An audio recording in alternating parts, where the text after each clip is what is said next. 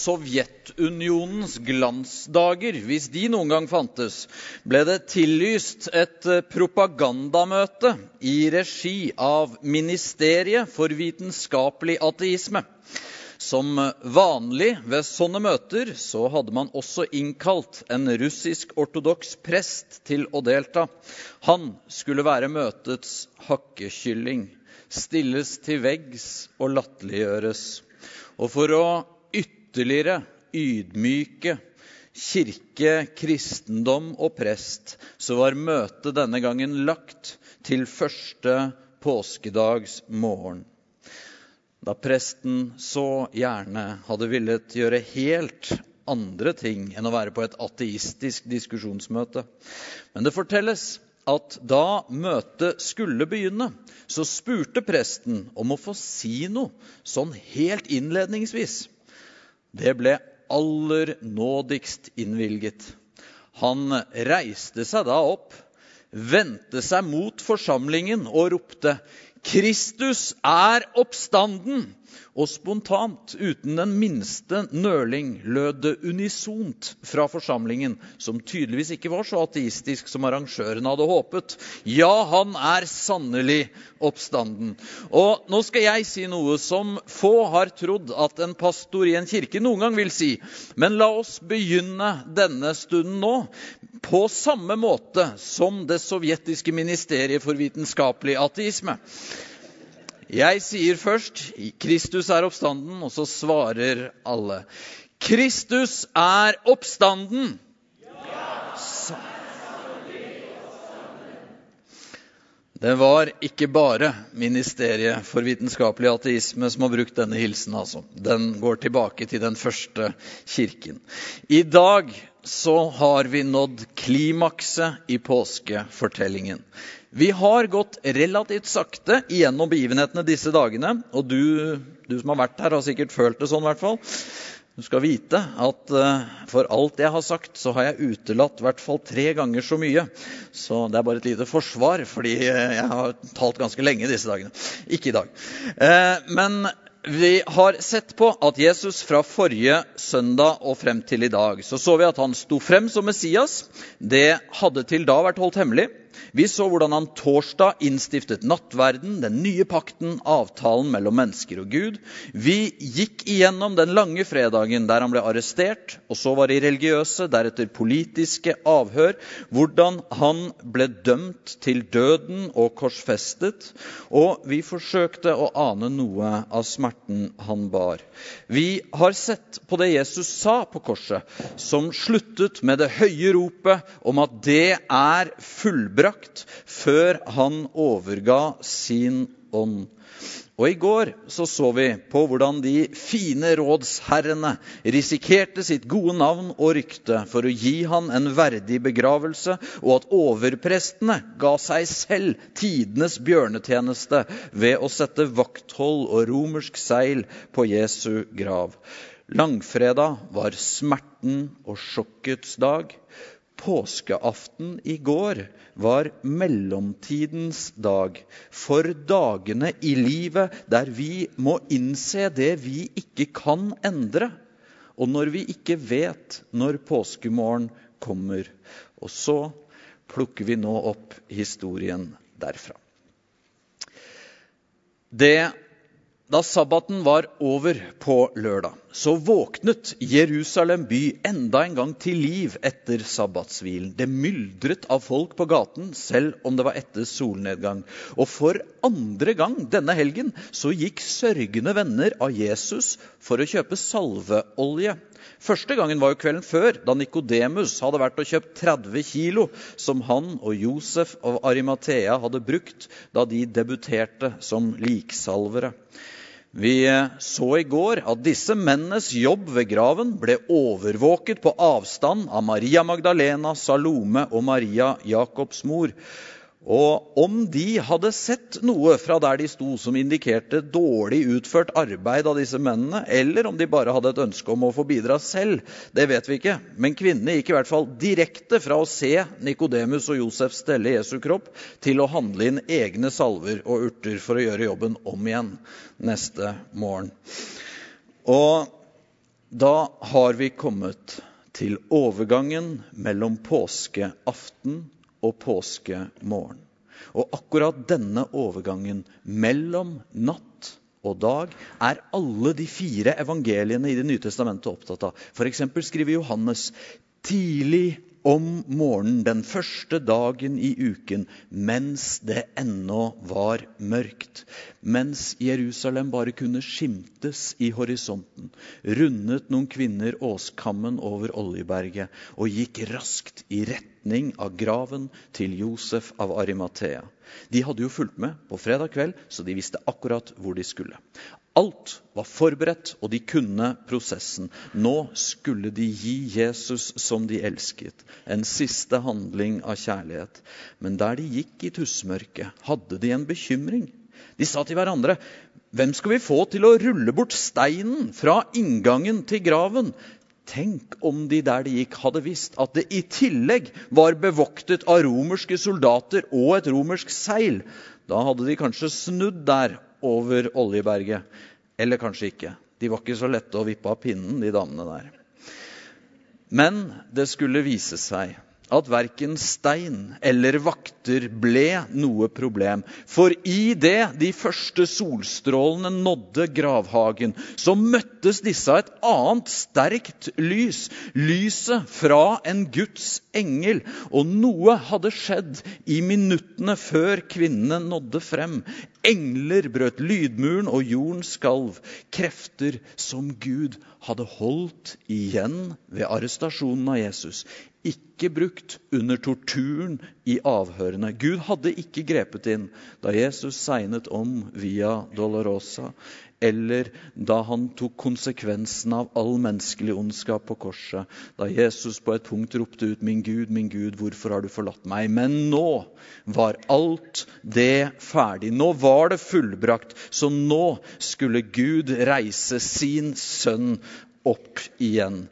Pilatus' vakter, som var satt for å passe på at ingen skulle stjele Jesu kropp, de hadde ikke en sjanse. De falt som døde til jorden. De levende, som skulle vokte den, over den døde, de ble selv som døde i møte med den levende. Med en finger rullet engelen steinen til side. Hva skulle han gjøre med denne steinen? Skulle han kaste den langt av gårde? Nei, engelen gjorde noe mer elegant. Han satte seg på steinen med et smil lekende om munnen. Steinen ble som en talerstol, og budskapet til de sørgende kvinnene som akkurat kom, var dette. Engelen tok til orde og sa til kvinnene.: Frykt ikke, jeg vet at dere leter etter Jesus den korsfestede. Han er ikke her, han er stått opp, slik som han sa. Dette kom som en bombe. Det forandret hele verden. Kunne det være sant? Pilatus' vakter hadde jo et kjempeproblem. De gikk rett til overprestene og fortalte hva som hadde skjedd.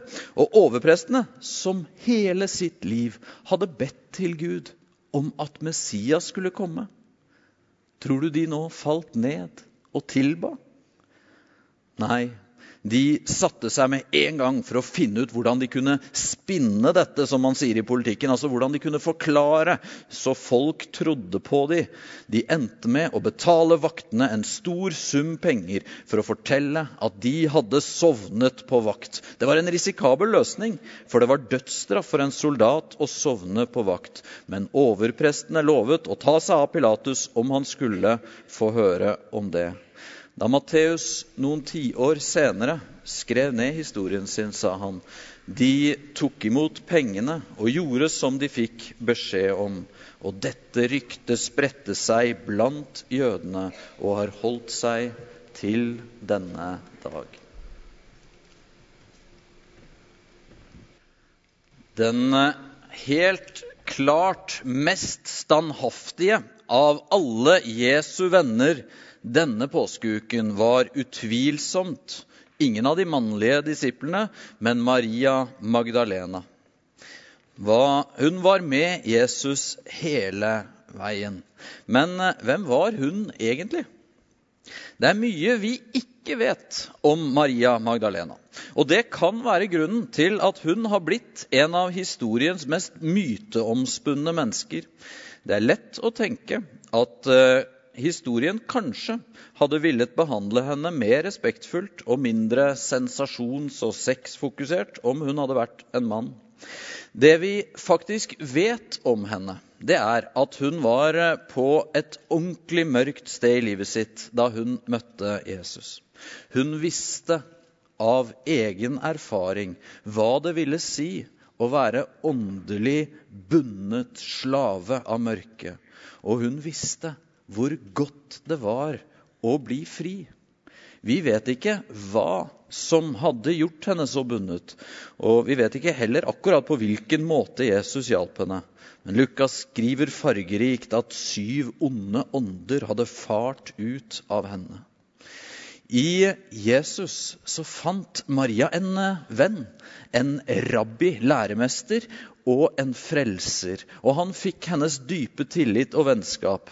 Så fra hun ble fri, så fra det som bandt henne, så var hun med han overalt. Maria Magdalenas forhold til Jesus er en vakker historie om at hun fant troen gjennom han. Hun fikk håp for fremtiden igjen, for er det noe åndelig bundethet alltid gir, så er det håpløshet. Men mest av alt så fant hun kjærlighet til Gud gjennom Jesus. Og da fant hun også godhet for seg selv og sin neste.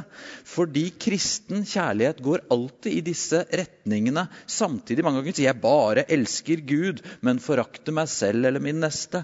Det henger sammen, sa Jesus. Elske Gud, sin neste, som seg selv, som Jesus sa. Men denne uken her så hadde Marias tro og håp fått noen alvorlige smeller.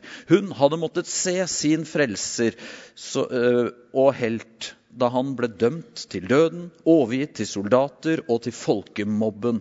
Og mens hun så på hele korsfestelsen, så må hun ha bedt inni seg og trodd og inderlig håpet at Jesus skulle gjøre et mirakel, sånn som hun hadde sett så mange ganger, og komme ned av det korset på et tidspunkt. Men det skjedde ikke. I stedet måtte hun se Jesus puste ut for siste gang, og til slutt se Josef og Nikodemus stelle liket hans. Så denne påskemorgen så var det nok ikke troen, og heller ikke engang håpet som drev henne til graven.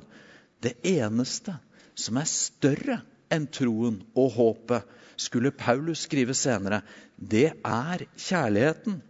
Og selv om vi mennesker, vår evne til kjærlighet er så veldig ufullkommen, så var Marias kjærlighet det som drev henne til å være den siste som gikk da Jesus ble gravlagt, og den første som kom på påskemorgen for å stelle Jesu kropp. Men nå som graven var tom, så, så løp Maria til de mannlige disiplene for å si fra om dette og hva engelen hadde sagt. Og disse første trosheltene de første kristne lederne, disiplene, de var ikke så veldig imponerende i sin respons denne påskemorgen.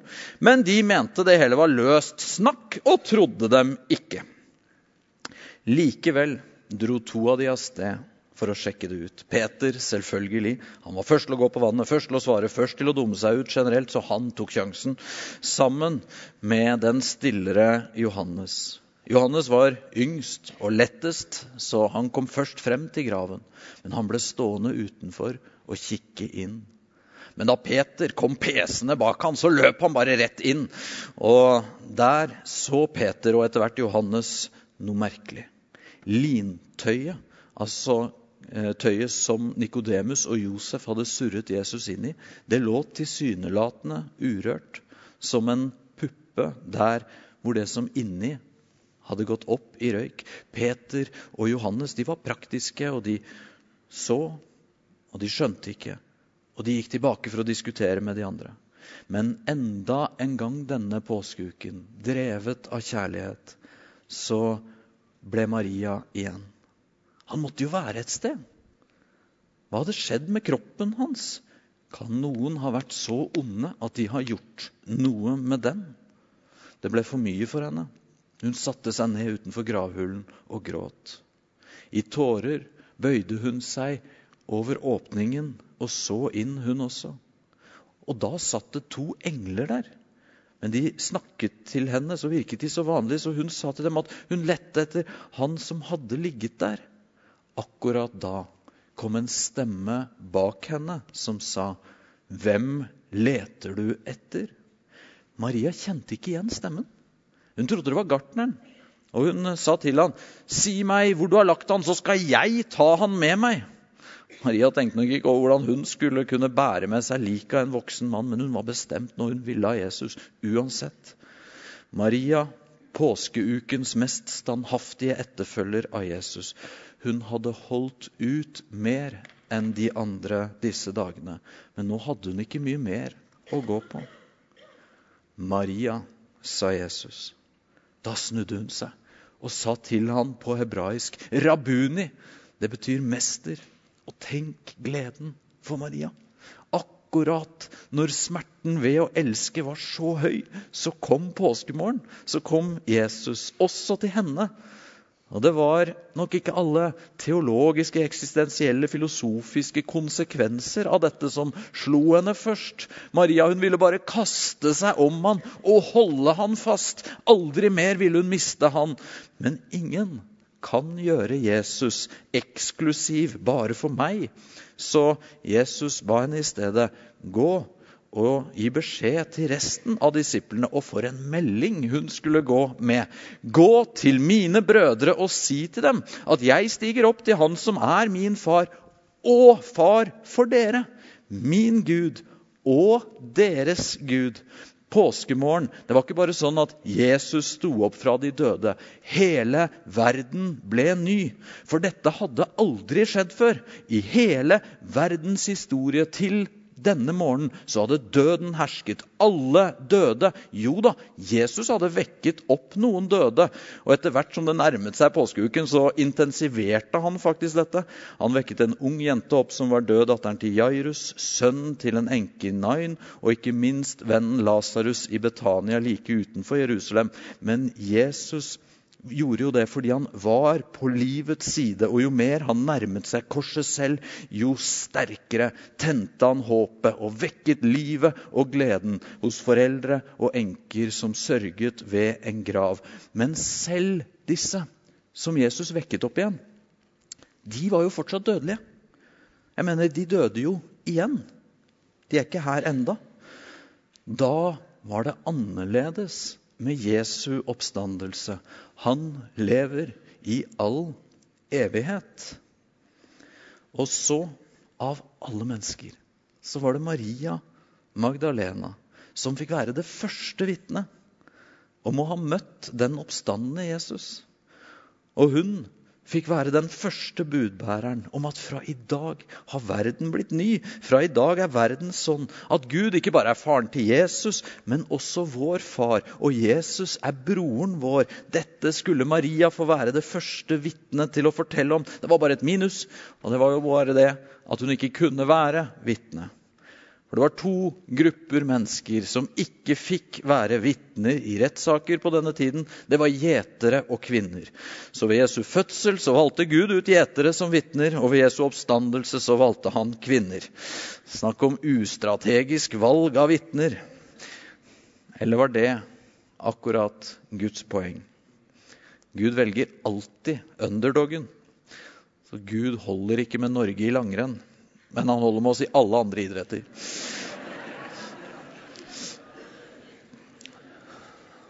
Marias historie er en vakker historie om at hennes møte med Jesus, som vi ikke vet om var én spesielt kraftfull opplevelse første gang de møttes, eller om hun oppdaget han over tid, men vi vet i hvert fall at denne relasjonen den førte til et vennskap, en lojalitet, som stakk så dypt. Så for å oppsummere Marias historie denne påskemorgen, så vil jeg si at første punktet var at fortiden fikk ikke definere hvem hun ble. Hun la det gamle bak seg, og det onde forlot henne. Hun fikk bli det første vitnet om Jesu oppstandelse og en ny verden. Det andre er at kjærligheten er større enn både troen og håpet. For da hun ikke hadde noen grunn til å tro og håpe lenger, så fortsatte hun å elske Jesus, og den kjærligheten gjorde henne utholdende. Det tredje var at hun ble ikke selvsentrert i sin tilbedelse av Jesus. Jesus lot henne ikke bli det. Da hun gjenkjente han, så ville hun jo bare klemme han og være hos han for alltid. Han hadde alt hun behøvde. Og av og til kan kristne snakke sånn om det at å være alene med Jesus er vårt eneste kall i livet. Det er sant at vårt dypeste kall er å tilbe Gud. Men Jesus ville ikke la Maria bare gjøre det. Han ville at hun skulle gå ut med gode nyheter om han også. For vår tilbedelse av Gud må alltid også ha vår neste som en del av bildet. Hvis ikke så blir tilbedelsen hul. Det er derfor vi alltid gir penger eller tid i kirke, i gudstjenester. For det handler aldri bare om meg. Min tilbedelse av Gud gjennom Jesus Kristus, sann tilbedelse, får alltid konsekvenser utover meg selv.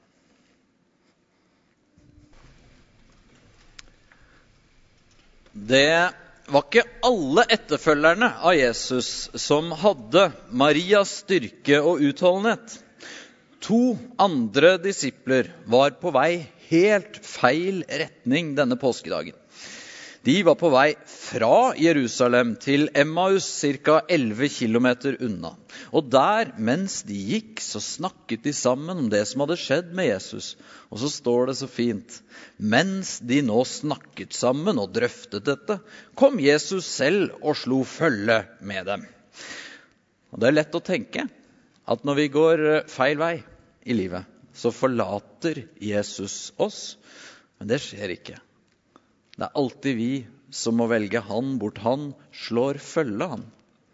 Og så prøver han å veilede underveis. Vi vet ikke hvorfor disse to hadde forlatt Jerusalem akkurat under klimakset. Kanskje hadde de bestemt seg for å gi opp Jesus. Kanskje hadde de andre gode grunner. En interessant detalj som vi ser hos flere, de fleste av de Jesus viser seg for etter oppstandelsen, er at folk ikke kjente han igjen med en gang.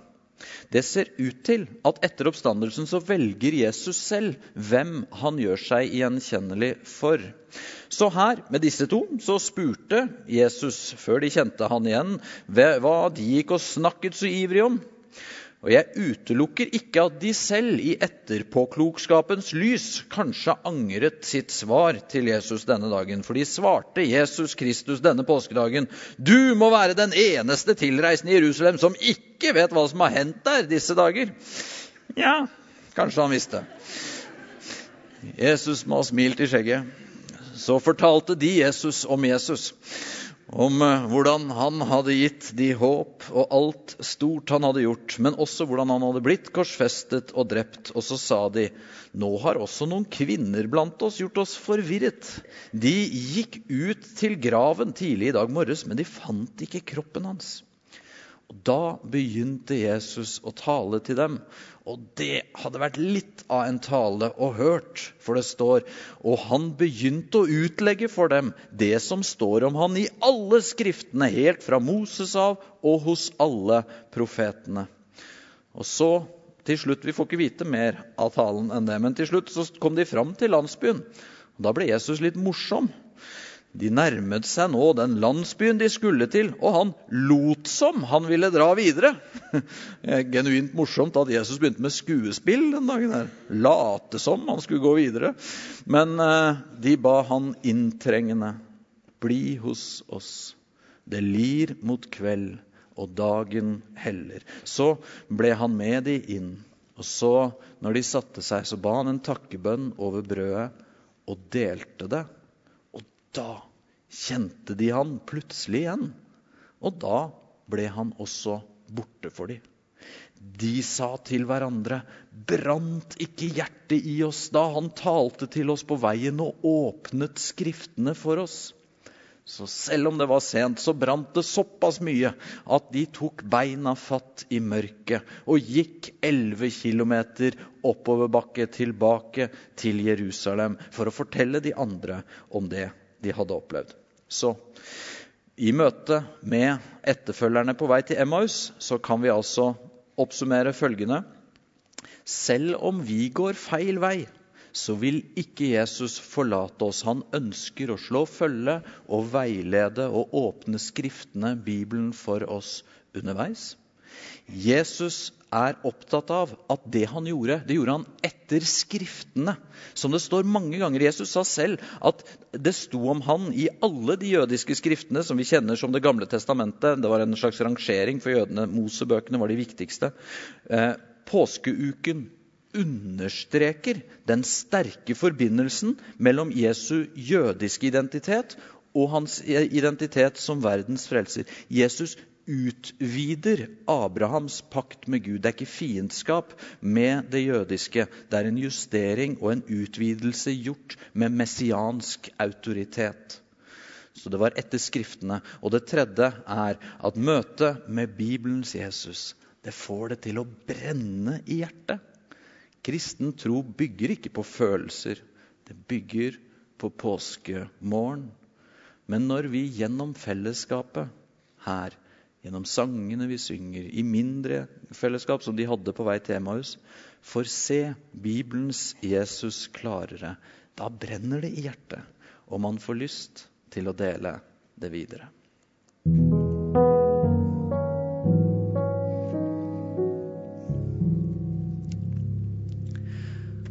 Nå har vi sett litt nærmere på Jesu møte med Maria Magdalena og disiplene på vei til Emmaus. Vi skal til slutt raskt se på hva som skjedde da de to disiplene kom tilbake til Jerusalem. Da Emmaus-vandrerne, som de kalles, kom sent på kvelden, så var disiplene samlet. Og i mellomtiden hadde Peter også møtt Jesus. Men det møtet får ikke vi vite noe om. For det var mellom Jesus og Peter. Da de fra Emmaus skulle fortelle, så kom de jo knapt til orde. For nå var det så mange som hadde opplevd Jesus. Og plutselig så står Jesus selv der også, sammen med dem. Og de modige trosheltene, det er de alle. Deres takknemlige respons når de fikk se Jesus, det var De ble forferdet og redde, for de trodde de så en ånd. Men han sa til dem, 'Hvorfor er dere grepet av angst?' 'Og hvorfor våkner tvilen i hjertet deres?' 'Se på hendene og føttene mine. Det er jeg. Ta på meg og se.' Han tok seg god tid og viste de hendene og føttene etter tur. Men det var ikke enkelt for dem. Det er klart det ikke er enkelt å tro at noen kommer tilbake fra de døde. Så det står da de i sin glede ennå ikke kunne tro, men bare undret seg, spurte han dem. Har dere noe å spise her? De ga han et stykke stekt fisk, og han tok det og spiste mens de så på. Og det var så kult at han gjorde det. For det er en del folk som vil tone ned påskemorgen, oppstandelsen, som har sagt at vi må forstå den bare symbolsk. At Jesus ikke sto opp konkret, men som et bilde i hjertene våre på at vi alle kan reise oss, eller noe sånt. Men lykke til med å tolke denne teksten her symbolsk. Hvis den symboliserer noe, så er det at den ikke er symbolsk. Ta på meg, se meg spise. Jeg er ekte, jeg lever. Og når vi tenker over det, så vil oppstandelse, påskemorgen, det vil kunne vekke spørsmål og tvil i oss fra tid til annen. Kan vi virkelig tro dette? Er det virkelig troverdig? Og det er helt sunt å stille sånne spørsmål. Men nå i dag har jeg prøvd å gi deg eller gjennom dagen her, tre momenter i hvert fall, som styrker argumentene for at det faktisk skjedde. Det første er at lederne i den første kirken, de som eventuelt hadde måttet prøve å spinne historien annerledes, de fremstår gjennomgående latterlige. Og det ville de ikke gjort hvis dette var noe de diktet opp. Det andre er at kvinner var de første vitnene til oppstandelsen. Det var et reelt minus i det første århundret, men i dag er det et desto sterkere pluss, for ingen ville diktet opp dette. Og det tredje, at Jesus spiste stekt fisk og ba de ta på han. Ikke la noen redusere dette til symbolikk, for dette er virkelig. Vår Herre Jesus Kristus sto opp på den tredje dag etter Skriftene. Og da kan vi alle be Gud fylle oss med sin Hellige Ånd, som Jesus på skjærtorsdag lovet at aldri skulle forlate oss. Og så kan vi som Emmaus-vandrerne få merke at det brenner i hjertet når vi ser hva vi er takknemlige for. Dere, jeg tenker sånn Påskemorgen det er gledens høytid. Men det er ikke på samme måte som julen er det. Julen, det er barnet, den barnslige gledens høytid. Påsken, det er den prøvede gledens høytid. Det er den gleden som bare fins på andre siden av en smertefull erfaring. Den kommer etter etter langfredagens smerte og påskeaftens stillhet, der julen kommer som en glede til alt folket, så kommer påsken som en konsekvens av alt folket og Guds utrettelige innsats for å nå oss alle.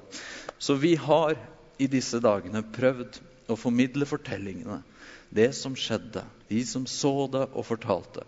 Mer enn å analysere til fulle de teologiske implikasjonene. Den fulle betydningen av påsken den vil alltid ha et skjær av mysterium for oss, for den strekker seg både bakover og fremover i tid.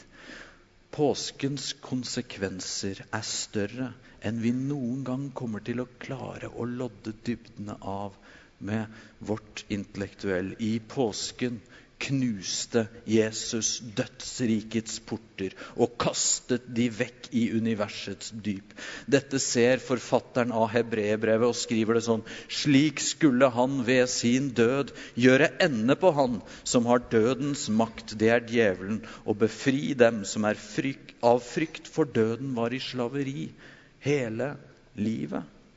Det er derfor det så frimodig heter i Johannes' åpenbaring at han har nøklene til døden og dødsriket. Jesus har for evig tatt kontrollen over det de fleste frykter aller mest, døden. Og etter påskemorgen så kommer aldri døden til å ha det siste ordet. Seieren over død og grav er vunnet av kong Jesus. Jeg sier det ikke så ofte herfra, men er det én dag vi kan si det, så er det halleluja. Siden denne dagen for eh, over 2000 år siden har det kommet store revolusjoner. Herskere og konger og diktatorer og utvikling.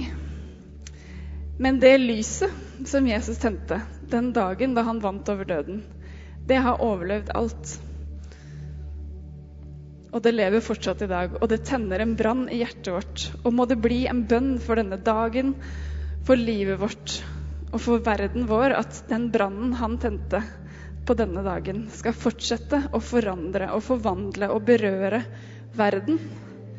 Vår verden og vårt hjerte og våre naboer der vi er. La det bli en bønn i deg, og la det forme deg og prege deg, også etter denne søndagen. Hvis du ikke fikk nok, så er det enda en oppstandelsesfest her i morgen klokka syv i morgen kveld. Da kommer ungdommene hjem fra påskeleir. Da er de alltid så overtrøtte at de har maks energi. Og vi samler alle forsamlinger fra Lillestrøm, Enebakk, Grünerløkka, Ungfylla og alle vi som er her til vanlig, her klokka syv i morgen til gudstjeneste og oppstandelsesfeiring. Ellers så er det gudstjeneste på mange steder til mange tider hver søndag i Filadelfia-kirken. Alltid klokka 11 her og klokka 7, og så finner du på nettsidene våre alle de andre stedene og tidene. Vi skal selvfølgelig avslutte med å synge den sangen som du har venta på hele tiden. Vi skal proklamere og synge 'Deg være ære', men ta imot Herrens velsignelse først, og så synger vi sammen helt til slutt. Må Herren velsigne deg og bevare deg. Må Herren la sitt ansikt lyse over deg og være deg nådig. Og må Herren løfte sitt åsyn på deg og gi deg av sin fred. I vår Fars, i Sønnens og i Den hellige ånds navn.